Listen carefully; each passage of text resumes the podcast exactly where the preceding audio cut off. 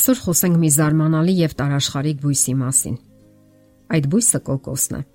Այն հայտնաբերել են Պորտուգալացի ծովագնացները։ Երբ նրանք առաջին անգամ տեսան այս բույսը, շատ զարմացրեց կոկոսի արտաքին տեսքը։ Այն շատ բրթոտ էր եւ այդ պատճառով անվանեցին կոկո, որը նշանակում է կապիկ։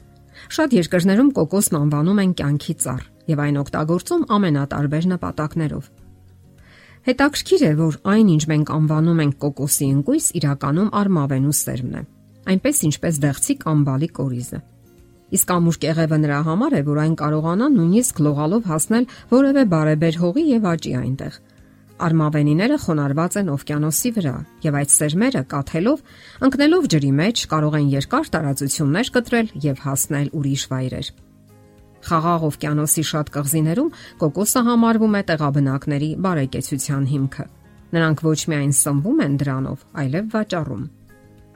Կոկոսի հյութը թափանցիկ հեղուկ է, թթվաշակ քաղցրավուն համով։ Հարուստ է սննդարար նյութերով եւ լավ էլ հագեցնում է ծարավը։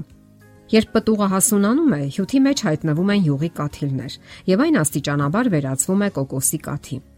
Կաթը քաղցր, բուրավետ, սպիտակ դոնդողանման զանգված է, որը ավելի ուշ ավելի է թանձրանում եւ վերածվում պտղամսի։ Մեր խանութներում ավելի շատ վաճառվում է արդեն հասուն պտուղը, որի ներսում հեղուկ համարյա չկա։ Կղզիներում եւ օվկիանոսի առափնյա շրջաններում բնակչությունը կոկոսի հյութն ու կաթը համարում է սովորական սննդամթերք։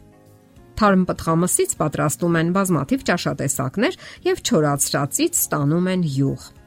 Կոկոսը պարունակում է A, C եւ B խմբի վիտամիններ։ Հանքանյութերից կալցիում, նատրիում, կալիում, ֆոսֆոր, երկաթ, բնական շաքարներ, սպիտակուց, ածխաջրատներ, ճար, օրգանական թթուներ։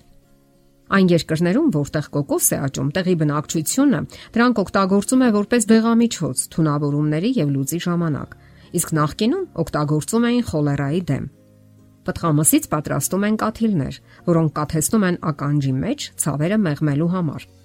Կաթը օգտագործում են վեներական հիվանդությունների ժամանակ, իսկ ընկույզի կեղևի մոխիրը հաջողությամբ բուժում է մաշկային խոցերն ու բորբոքումները։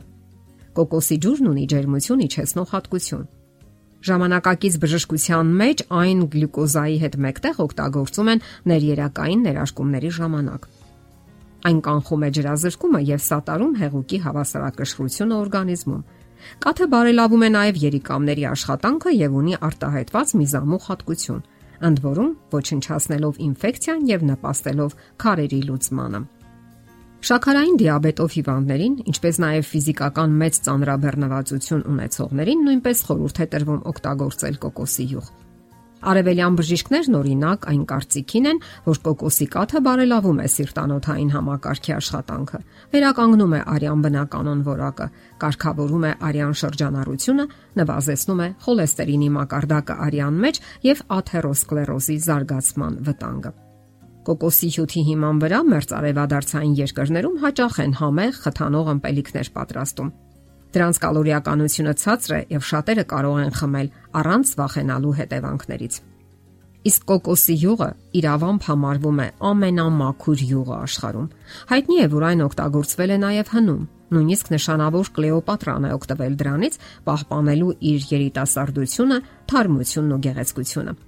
Կոկոսի յուղը կազմված է առանձնահատուկ ճարպային բջիջներից, որոնք ճեղքվում են այլ կերպ, քան մնացած բոլոր յուղերը եւ լիովին յուրացվում են օրգանիզմի կողմից։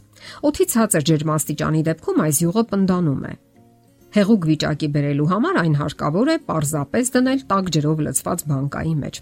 Ընդ որում յուղի հատկությունները դրանից չեն փոխվում։ Կոկոսի յուղն օգտագործում են բորբոքումների, կտրվածքների ու վերքերի ժամանակ։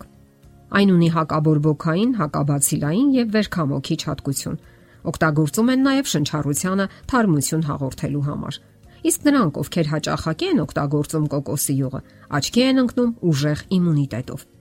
Փորձ է կատարվել Ադելայիդա քաղաքի համալսարանում։ Գիտնականները հայտնաբերել են, որ կոկոսի յուղի կեսը կազմող լաուրինյան կոռոզիան կարող է քայքայել հաստաղիքում գտնվող քաղցկեղային բջիջների ավելի քան 93%-ը բուժումից ընդամենը 48 ժամ հետո իսկ քաղցկեղային նորագոյացությունների այդ տեսակը մեծապես տարածված է կանանց եւ տղամարդկանց շրջանում։